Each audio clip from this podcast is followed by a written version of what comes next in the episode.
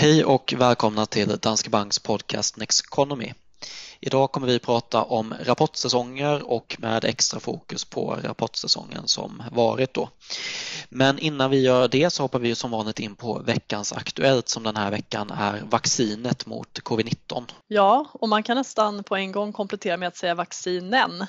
För att eh, för en dryg vecka sedan så kom ju Pfizer ut med en nyhet om att man har eh, hittat ett vaccin mot covid-19 som är betydligt mer effektivt än vad forskarna har vågat hoppas på. Eh, man har ju pratat i förhand om att man skulle vilja hitta ett vaccin med en effektivitet, det vill säga att 75 procent av de som får det blir immuna mot covid-19. Men det här vaccinet har en effektivitet på över 90 procent efter en eh, två doser då Precis, som man tar inom loppet av en månad. Ja exakt och det krävs ju bara 50 procent för FDA att godkänna också. Så ja. man har ju verkligen en bred marginal mot vad som krävs egentligen. Ja det har man och när det är så här pass effektivt så behöver man inte vaccinera en lika stor del av befolkningen eh, som man behöver göra för att få flockimmunitet om effektiviteten så att säga, bara då är 50 procent. Men det där var ju väldigt positivt och det fick ju börsen att ta ett glädjeskutt och framförallt så lyfter det ju pressade flygbolagsaktier, hotell, kryssningsbolag eh, mm. med mera då. Så det var bra, men sen så gick det en vecka och sen så kom det ju ytterligare en nyhet eh, på måndagen den här veckan och det är att även Modernas vaccin eh, nu har testats och att även det har en hög effektivitet, över 94 procent. Sen en annan sak som man sett i de här testerna då, det är ju att om man jämför gruppen som har fått vaccinet med gruppen som fått placebo så har alla de allvarliga fallen av covid-19 inträffat i den grupp som fått placebo. Och det tyder på att vaccinet ändå ger ett visst skydd mot allvarlig sjukdom eh, mm. hos dem som då ändå drabbats trots att man fått vaccinet. Så det är positivt. Just det. Eh, och nu kunde man ju se ännu en gång då att eh, nyheten om det här vaccinet gjorde att samma typ av bolag fick sig ännu en skjuts Mm. Eh, och då är frågan om det kommer vara så på varje ny nyhet om ett vaccin. Det kan man ju kanske inte tänka sig. Men, Nej, men det, är det kanske positivt. man inte kan tänka sig. Ja, men det är bra. Och sen så är det ju ändå så att det är klart att det finns en, en risk att det finns någon biverkning med något vaccin. Eh, för man har ju testat de här på ganska kort tid. Men ju fler vaccin man får ut på marknaden desto större är chansen att det finns något som är effektivt med väldigt få biverkningar och dessutom så kommer man ju kunna massvaccinera ännu fler då. Man kan distribuera olika vaccin och det finns flera bolag som producerar. Mm. Sen fanns det ju en annan fördel med det här andra vaccinet också och det är ju förvaringen. Därför att Pfizers vaccin eh, som kom först då, det måste förvaras i en temperatur på minst minus 70 grader. Och det gör ju att det blir ganska svårt att hantera och distribuera det här vaccinet. Medan då eh, Modernas vaccin, det kan man förvara i kylskåpstemperatur i upp till 30 dagar utan att det tappar effektivitet. Så att det gör att det är betydligt lättare att, eh, att hantera det här då. Precis. Eh, men det finns ju några frågetecken kvar ändå. Eh, men innan vi går in på dem så tänkte jag dra det positiva scenariot här. Mm. Och det skulle ju vara då att vi får ett vaccin godkänt innan slutet på januari som senast och sen kan det då, då fördelas brett under första kvartalet 2021 så att vi då förhoppningsvis kan börja uppnå en flockimmunitet under andra halvan av 2021 och då återgå till en mer normal värld. Så i slutet av 2021 är vi förhoppningsvis tillbaka till en värld helt utan restriktioner. Eh, det är ju det positiva scenariot skulle man kunna säga. Mm, det kan vi eh, hoppas på. Ja, precis. Men så finns det ju en del frågetecken innan här då. Och några av de här är ju dels då hur länge man är skyddad. Mm. Alltså... En annan är ju då, måste man fylla på det här vaccinet? Mm. Eh, eller räcker det med de här doserna man ger initialt? Måste man gå sen tillbaka en gång om året för att få ett nytt? Ja, exakt. Och en annan sak är Alltså det här vaccinet det hjälper ju att man inte blir sjuk men är det också så att man inte blir infekterad? Exakt, eller kan man ändå bära på viruset, det vill säga föra det vidare till någon annan som inte är vaccinerad trots att man själv inte får eh, symptom på sjukdomen. Precis, och en annan sån här är att vaccinet, ja det, det skyddar men kommer det skydda äldre människor lika bra som människor i mera medelåldern om man säger. Mm. Eh, för det där är ju också, det, vaccin tenderar att inte fungera lika bra på äldre människor. Ja, det och det är de som framförallt är riskgrupp ju. Ja, precis. Och eh, sen Slutligen så kan man väl också fundera på hur många som är villiga att ta det här vaccinet. Ja, men exakt. Ehm, för det finns ju en, ehm, eh, ja, en, en utbredd skepsis eh, till vaccin och speciellt då när man tryckte igenom det här väldigt snabbt så att man har inte sett några kortsiktiga biverkningar men frågan är hur det är med de långa då. Precis. Och många har ju Pandemrix, det här vaccinet mot svininfluensa som man gav 2009 eh, under också ganska stressade former och det visade sig orsaka narkolepsi hos barn eh, och unga. Så eh, om man tittar på undersökningar då så kan man se att i USA så är det ungefär varannan person eh, som kan tänka sig att ta ett vaccin direkt när det kommer men varannan vill alltså inte göra det. Exakt. Eh, och det är liknande statistik man får fram när man tittar på det i andra regioner. Ja, och det där har ju också betydelse för att uppnå flockimmuniteten just att man måste ändå komma upp i en viss procentandel av befolkningen för att man ska uppnå den där immuniteten. Mm. Men man kan ju ändå säga då att eh, det här är ju helt klart ett steg på vägen ut ur coronapandemin och ehm, bästa scenariot, precis som du beskriver, är ju att vi kanske kan vara ur det här i slutet av nästa år. Men redan nu då, vi har ju pandemin som pågår för fullt den här vintern. Vaccinet kommer inte hjälpa oss vintern 2020. Däremot så kan det ju göra att sentimentet bland företag och konsumenter kan lyfta och det i sin tur kan leda till större vilja dels att konsumera. Vi konsumenter har ju haft stora buffertar, ett högt nettosparande under den här perioden. Så att det finns ett liksom, uppdämd eh, konsumtionsbehov. Och samma sak gäller investeringar. Vi har ju sett att företagen har varit väldigt försiktiga eh, med att satsa och investera därför att osäkerheten om framtiden har varit så pass hög. Och det är någonting som även synts i rapporterna för den här säsongen, eh, att man fortfarande inte riktigt vågar trycka på knappen. Men börjar man kunna räkna med att vi går tillbaka tillbaka till ett mer normalt liv inom säg ungefär ett år då, ja men då kan man ju också våga börja ta investeringar igen och det här väntar vi oss kommer ge en skjuts åt tillväxten 2021 eh, då. Mm.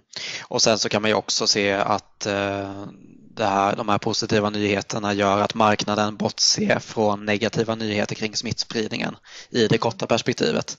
Mm. Det har vi sett prov på den senaste tiden. Det är nästan så att smittspridningen ökar i takt med börsuppgången. Så jag menar, eh, mm. man, man, man bortser verkligen från hur det ser ut just nu med smittspridningen och sen så fokuserar man på hur det kommer se ut under 2021 då istället. Ja. Så det var väl en uppdatering kring coronaviruset och det var veckans Aktuellt. Jag tänker att vi går vidare för vi har fått in en fråga som är så här. Vilka sektorer kommer gå bäst med Biden som president? Ja, och där eh, har vi ju en sektor som vi redan sett har utmärkt sig eh, och det är ju grön energi. Om man tittar på bolag på börsen, eh, såväl amerikanska som de nordiska som finns som håller på med solenergi, vindkraft, så har ju de, många av dem gått väldigt, väldigt bra redan. Så att vi har haft någon form av grön våg redan på aktiemarknaden. Eh, sen får man väl se hur pass mycket de faktiskt eh, gynnas då, men det är helt klart att intresset redan har ökat. Eh, som det ser ut nu så Biden kommer ju bli USAs nästa president men däremot så blev det ju inte den här blåa vågen i den amerikanska kongressen. Det vill säga det ser ut som republikanerna behåller makten i senaten vilket gör att Biden inte kommer kunna gå fram lika lätt med sin agenda då. Eh, och det innebär ju att till exempel att satsningar på infrastruktur eh, kommer bli lite tuffare att genomföra men lyckas han trycka igenom dem, ja men då kan det lyfta byggindustrin till exempel. En annan eh, sektor för europeisk del och där vi också har några svenska bolag, det är ju bilindustrin som är väldigt stor för europeisk del och den har ju levt med hotet från Trump om biltullar eh, under ja, ett par år. Och det där är klart att det gör ju att kanske investeringsviljan minskar, det gör att aktierna kanske handlas med en viss rabatt därför att det finns en risk att eh, ja, Trump skulle införa tullar på bilar helt enkelt, vilket skulle vara ett hårt slag mot hela industrin. Och den risken lättar ju med Biden. Eh, man väntar sig att han kommer hålla en hård ton mot Kina men inte att han kommer liksom vara på alla på samma sätt som Trump har varit och kanske framförallt inte genom att slå på tullar och hota på det sätt mm. Eh, som, som Donald Trump har gjort. Och sen har vi den här risken mot just IT-bolagen att eh, Biden gärna hade infört vissa regleringar då mot IT-sektorn, vilket mm. ju också den, den chansen eller risken minskar ju med nu då, som det ser ut nu i alla fall. Det ska avgöras i Georgia den 5 januari. Mm. Eh, så, så där har man ju också då sett att IT-bolagen gick ju ganska starkt på beskedet där om att det inte ser ut som att de får senat. Precis, och det finns ju flera orsaker också. Dels har vi skattehöjningar som Biden vill genomföra. Det. Eh, det. kommer bli svårt för honom att höja skatterna när han inte har en eh, blå majoritet. Så att, eh, att det inte blir några höjda skatter är också positivt och sen ytterligare då en faktor. Eh, när Biden inte kan driva igenom sina enorma stimulanspaket som man önskat så talar det för att räntorna i USA inte kommer stiga lika mycket heller. Och då risken för stigande långräntor är också gynnsam för tillväxtbolagen på börsen vilket också gav en skjuts åt bland annat teknikaktier. Så att det är en kombination av faktorer. Ja, Men regleringar precis. är jätteviktigt för Biden vill gå hårdare fram bland annat med konkurrenslagstiftning Ja, bra, men då så, då tycker jag att vi går vidare till dagens ämne. Då eh, handlar det ju så, som vi sa tidigare om rapportsäsonger. Eh, och om vi börjar med den här rapportsäsongen som vi har bakom oss precis, Q3-rapporterna, mm. så eh, har vi lite data på både USA, Sverige och Europa. Ja, och vi kanske kan börja med Europa då. För här så ser det ut som vinstfallet under tredje kvartalet är eh, drygt 20 procent jämfört med samma kvartal för ett år sedan. Då. Eh, och man kan ju sätta det där i relation direkt till hur det ser ut för de amerikanska bolagen där vinsterna väntas minska med 10 procent ungefär jämfört med samma kvartal eh, 2019. Eh, och tittar man då um, för europeisk del då så är en stor syndare i det här stora vinsttappet för europeisk del, det är energisektorn. Tar man bort den så väntas vinsterna, vinsterna minska med 16 procent så det är ändå betydligt eh, mindre än totalen för hela börsen.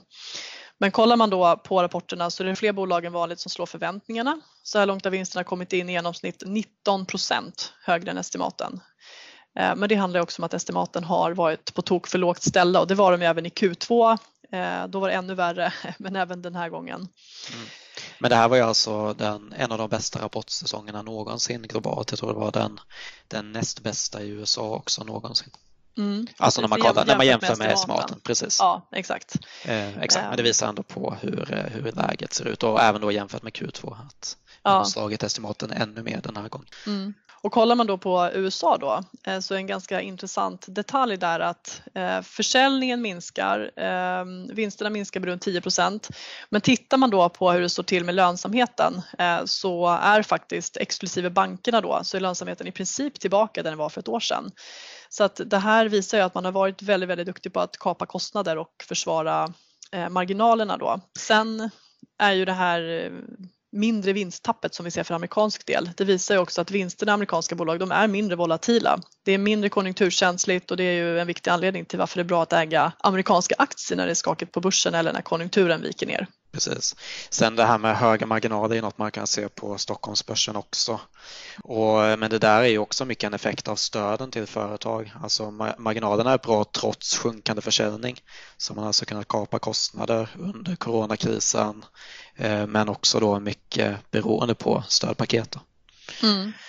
Precis, det är en kombination av ja, mycket stödpaket och vissa bolag som Volvo till exempel har fått över 2 miljarder i, i statliga stöd. Men sen mm. har man ju också hållit igen på utdelningar, strypt investeringar, förhandlat ner hyror och så vidare. Mm. Um, men en, en, liten pikant detalj på USA då, det är småbolagen. Eh, där har man ju mer cykliska bolag och mer, mer volatila vinster. Men de har gjort en, en imponerande upphämtning efter andra kvartalet som ju var extremt tufft då.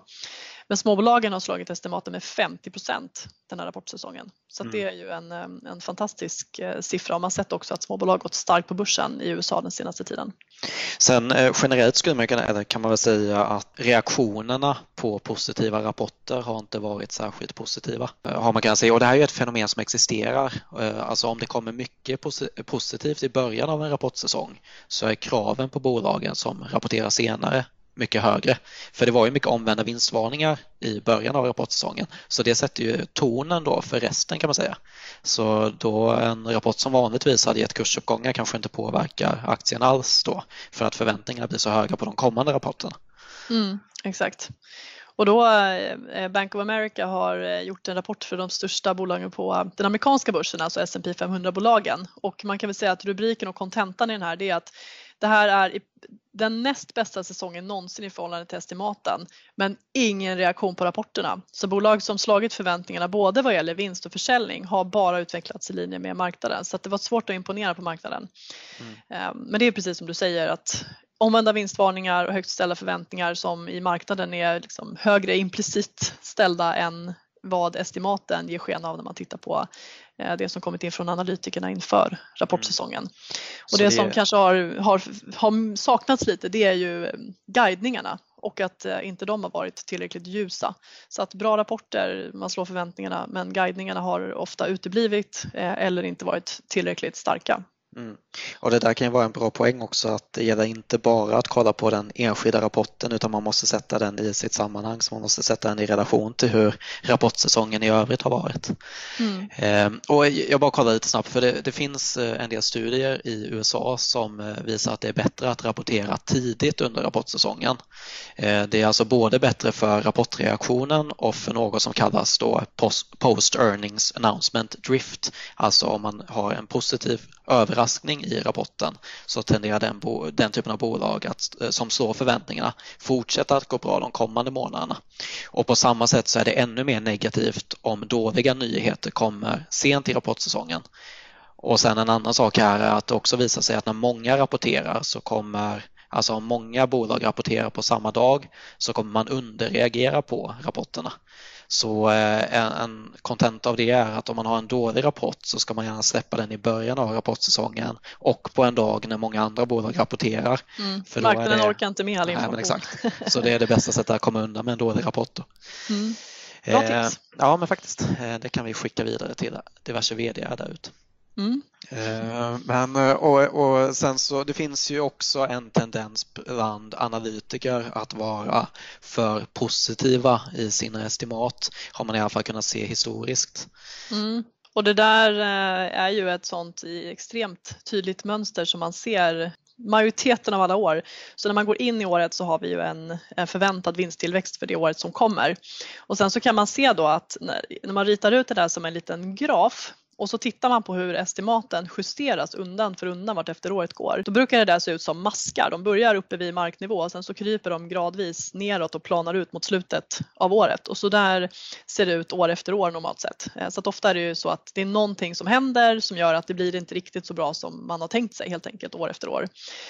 Ehm, men sen händer det ju ibland också att det kommer någon positiv överraskning som faktiskt gör att den där masken eh, börjar långt ner och kryper upp till ytan istället. Som till exempel när Trump sänkte de amerikanska bolagsskatterna.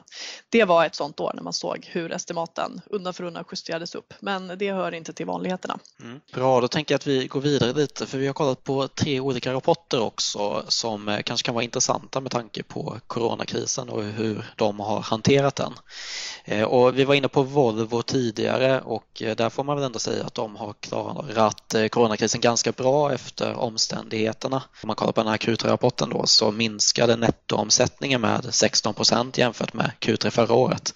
Men trots den minskningen hade man en rörelsemarginal på 9,4 procent och ehm, ja, tack vare då de här kostnadsbesparingarna som du var inne på tidigare också. Men eh, också då det här stödet som de har fått över 2 miljarder då från, från staten. Mm. Och Volvo var ju ett av de bolag som drabbas hårdast under finanskrisen. Och problemet då det var att man hade inte riktigt gått in i en, en så djup och eh, lång kris tidigare och då tog det lång tid för bland annat Volvo att dra ner på de fasta kostnaderna. De fasta kostnaderna var höga och bolaget blödde pengar då när eh, kunderna försvann och eh, ingen vågade investera i eh, tunga lastbilar till exempel. Men ända sedan dess så har Volvo men också Sandvik eh, med flera då, men man har jobbat väldigt hårt på att minska den här konjunkturkänsligheten så att man bättre ska kunna försvara marginalen i, den, i händelse av att efterfrågan viker väldigt kraftigt. Alla jobbar att... mot konjunkturen nu för tiden. Det är både centralbanker ja. och bolag. Vi ska inte ha några konjunkturcykler. Nej, men precis.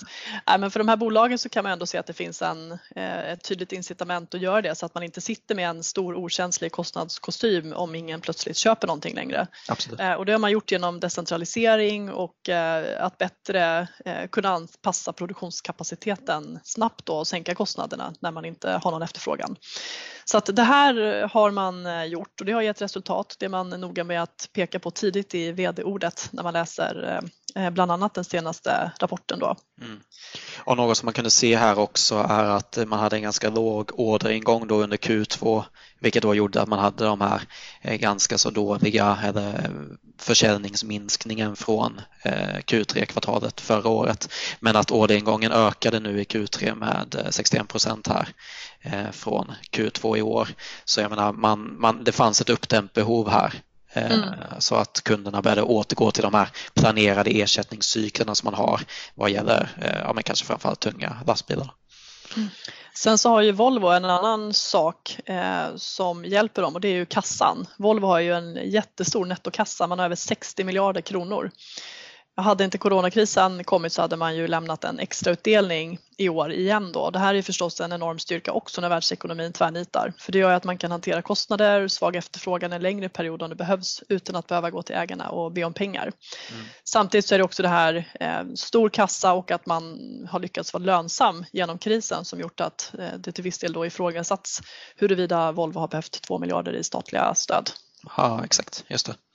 Om vi går vidare på Handelsbanken då, så något som jag reagerade på här är att de lyckas hålla nere kreditförlusterna. 0,03 eh, procent i kreditförluster här jämfört med 0,05 procent samma kvartal föregående år. Och Handelsbanken har historiskt varit en bank i Sverige som har haft lägst kreditförluster också. Eh, men det man kan säga är att det är mycket kostnadsfokus i banken och det är det väl i alla storbanker. Men de kom ju ganska nyligen ut med nyheten att de kommer stänga ner en hel del kontor och innan det så har de också gjort förändringar i oktogonen som är det här vinstandelsprogrammet då. Mm. Eh, och sen så har de också Eh, de har gjort en del reserveringar nu då till en sån här omstruktureringsreserv som är då utgifter kopplat till omställningen av banken som de kallar det.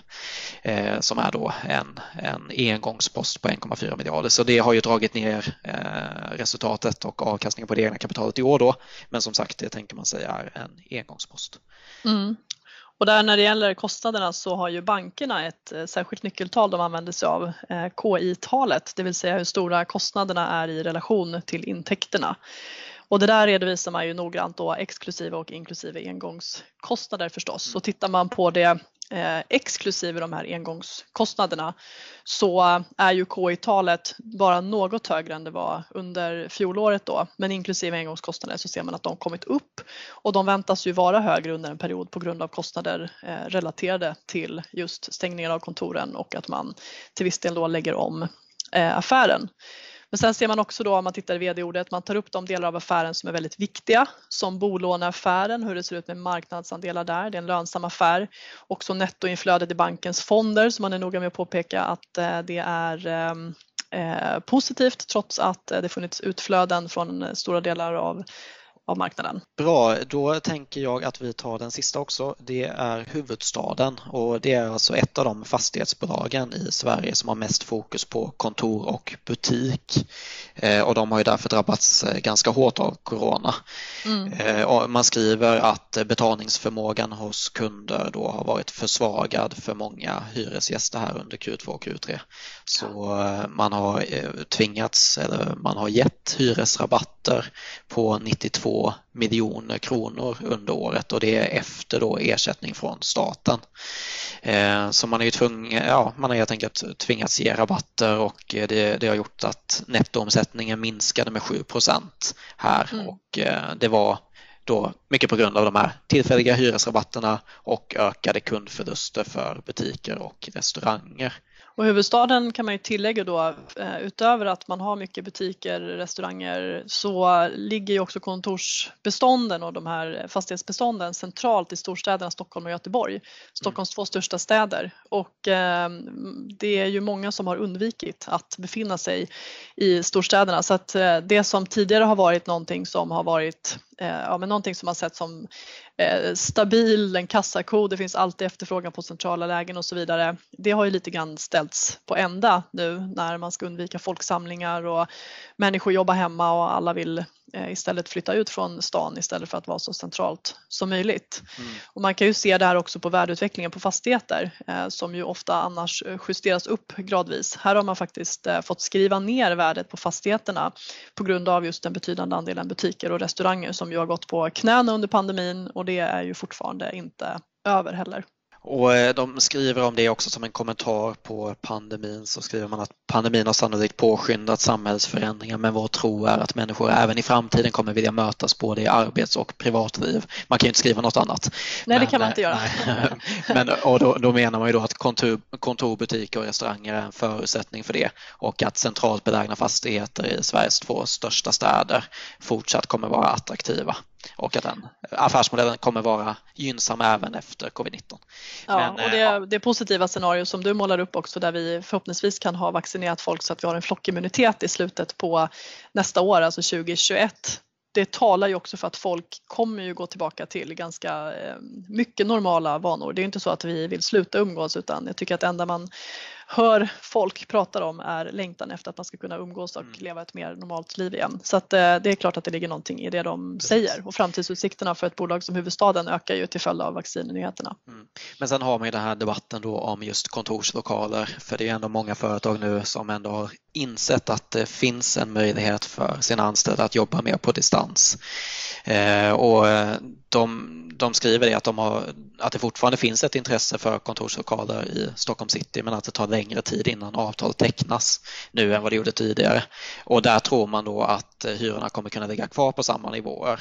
Men eh, ja, man får väl se då hur det blir med den delen. Sen så har vi ju haft en uppgång i de här hyrorna på kontorslokaler de senaste åren. Eh, jag tror det är ungefär 10-15 procent de senaste två, tre, eh, två, tre åren här då. Så det finns ju en del att ta av även om det skulle vara så att man ser en nedgång där också. Mm. Eh, men det här är något som det kommer fortsätta diskuteras och det är intressant att följa. Verkligen. Eh, det var de tre rapporterna som vi fokuserade lite snabbt på den här gången ehm, och jag bara tänkte att vi kunde gå in lite på vad man ska fokusera på i rapporter också och kanske framförallt vad vi fokuserar på i vår marknadssyn och i vår allokering då. Eh, och, då blir det ofta de bredare perspektiven. Jag menar, vi kollar på hur rapporterna går mot estimaten för en hel marknad istället för att gå in på enskilda bolag. Och mm. vi kollar kanske på vinsttillväxten då för en hel marknad för att det påverkar våra avkastningsförväntningar på aktier. Och samma sak att vi kollar på lönsamhet för en hel marknad. Eh, så det blir det bredare perspektivet. Då. Det blir verkligen det bredare perspektivet och det är klart att det finns eh, för och nackdelar med det. Eh, för givetvis är det så att om man sitter själv och tittar på mer specifika rapporter eller på specifika branscher så finns det olika faktorer som är olika intressanta för olika typer av bolag. Eh, så det kan vara olika nyckeltal till exempel för fastighetsbolag, vad tittar man på när man kollar på en bank, vad är det som är viktigt i ett verkstadsbolag och så vidare. Ehm, så det är klart att det finns anledning att ibland dyka djupare i det också. Men precis som du säger, en viktig sak är ju eh, vinsttillväxten och vinster jämfört med estimaten. Hur står sig de? Ehm, och sen så just vad gäller estimaten, revideras de upp eller ner? Alltså ökar eller minskar förväntningarna på framtiden? Och eh, i så fall vad beror det på? Så det är ju en sak som är jätteviktig och då tittar man ju både på vad man väntar sig av Eh, vinsttillväxten de kommande 12 månaderna tittar vi ofta på, så här rullande 12 månader. Men vi tittar också på eh, långsiktiga vinstförväntningar och eh, då är det 3 till 5 år man, man tittar på för olika marknader.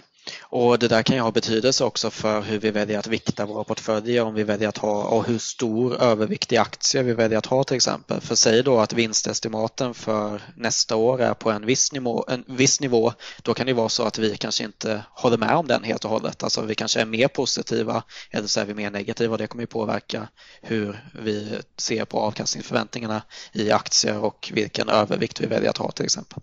Mm. Så eh, det har ju betydelse. Och sen just det här med lönsamheten kan ju också ha betydelse. Jag menar, en anledning till varför vi överviktar USA nu till exempel är ju för att just för den höga lönsamheten. Alltså de här högre marginalerna gör att alltså, det finns större marginaler att ta av om något skulle gå i fel riktning om man säger. Mm.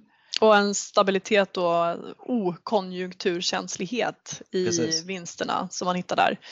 Eh, men då kan det finnas saker som gör att eh, de där förväntningarna förändras och tittar man till exempel på de stora teknikbolagen då som väger tungt på börsen och eh, vars vinster också utgör en stor del av de amerikanska vinsterna. Om det då händer någonting som hotar dem, till exempel då ökad reglering inom konkurrenslagstiftning till exempel, högre skatt som skulle kosta en massa pengar, då kommer det påverka förväntningarna på vinsterna och lönsamheten såväl i det korta som i det längre perspektivet för det är ju inte någonting som försvinner eh, nästa år. Så att det, det är viktigt. Sen mm. eh, om man tittar i eh, så lite mer på enskilda rapporter så väldigt mycket handlar också om vad bolagen säger. Och där kan man ju förstås både läsa ett enskilt bolags rapport och titta på vad vdn säger om, om förväntningarna på framtiden och efterfrågan på produkter och tjänster. Men man gör ju också sammanställningar om man då tittar på amerikanska bolag till exempel så finns det undersökningar där man tittar på hur många positiva respektive negativa ord som används i samband med att man uttalar sig om framtiden. Och sen så skapar man då också ja, ett slags index utifrån det där och tittar på använder man fler positiva ord än vanligt eller är det färre och hur ser det ut jämfört med förra säsongen till exempel. Vilka ord används eh, mer eller mindre som är relaterade till det läge vi befinner oss i. Så det kan man också kolla på på marknadsnivå faktiskt. Precis, den typen av index finns väl för centralbanker också va? Eh, ja, det tror jag att det gör. Ja, alltså man kollar på eh, ord som kan vara lite mera mot att de ska höja räntan eller sänka räntan. Alltså är de mera då ja. hökaktiga eller duvaktiga i sina uttalanden. Ja, eh, precis. Och där kan ju verkligen det exakta ordvalet vara extremt viktigt, särskilt det skriftliga men även det de säger på presskonferenser. Där gäller det att hålla tungan rätt i mun. Ja, verkligen.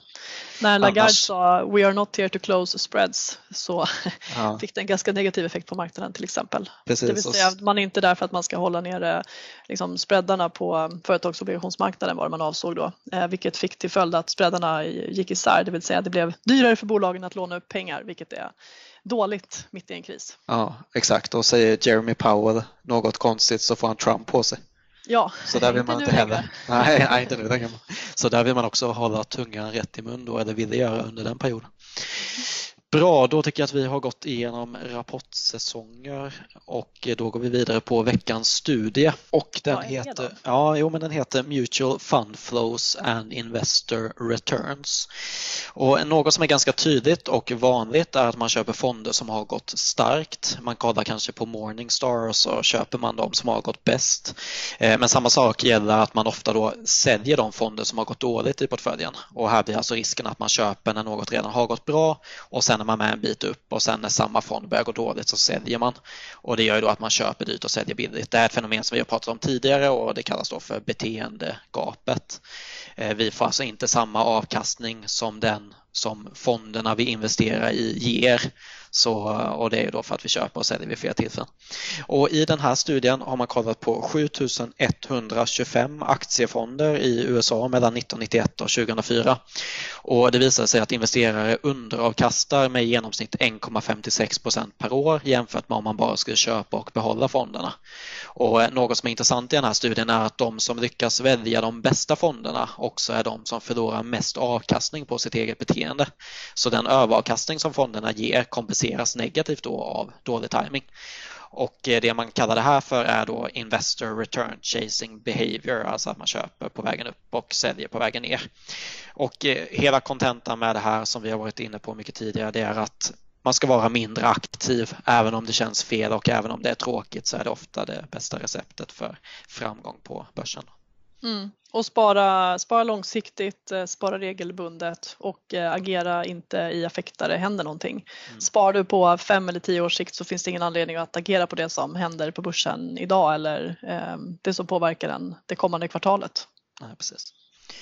Bra, det var veckans studie. Då tänker jag att vi avrundar för idag. Eh, ni får som vanligt ställa frågor till oss i avsnittsbeskrivningen här i frågeformuläret och komma med förslag på nya ämnen. Och så kan man ju alltid gå in på nexteconomy.se. Vi kommer ju snart med en ny marknadssyn också.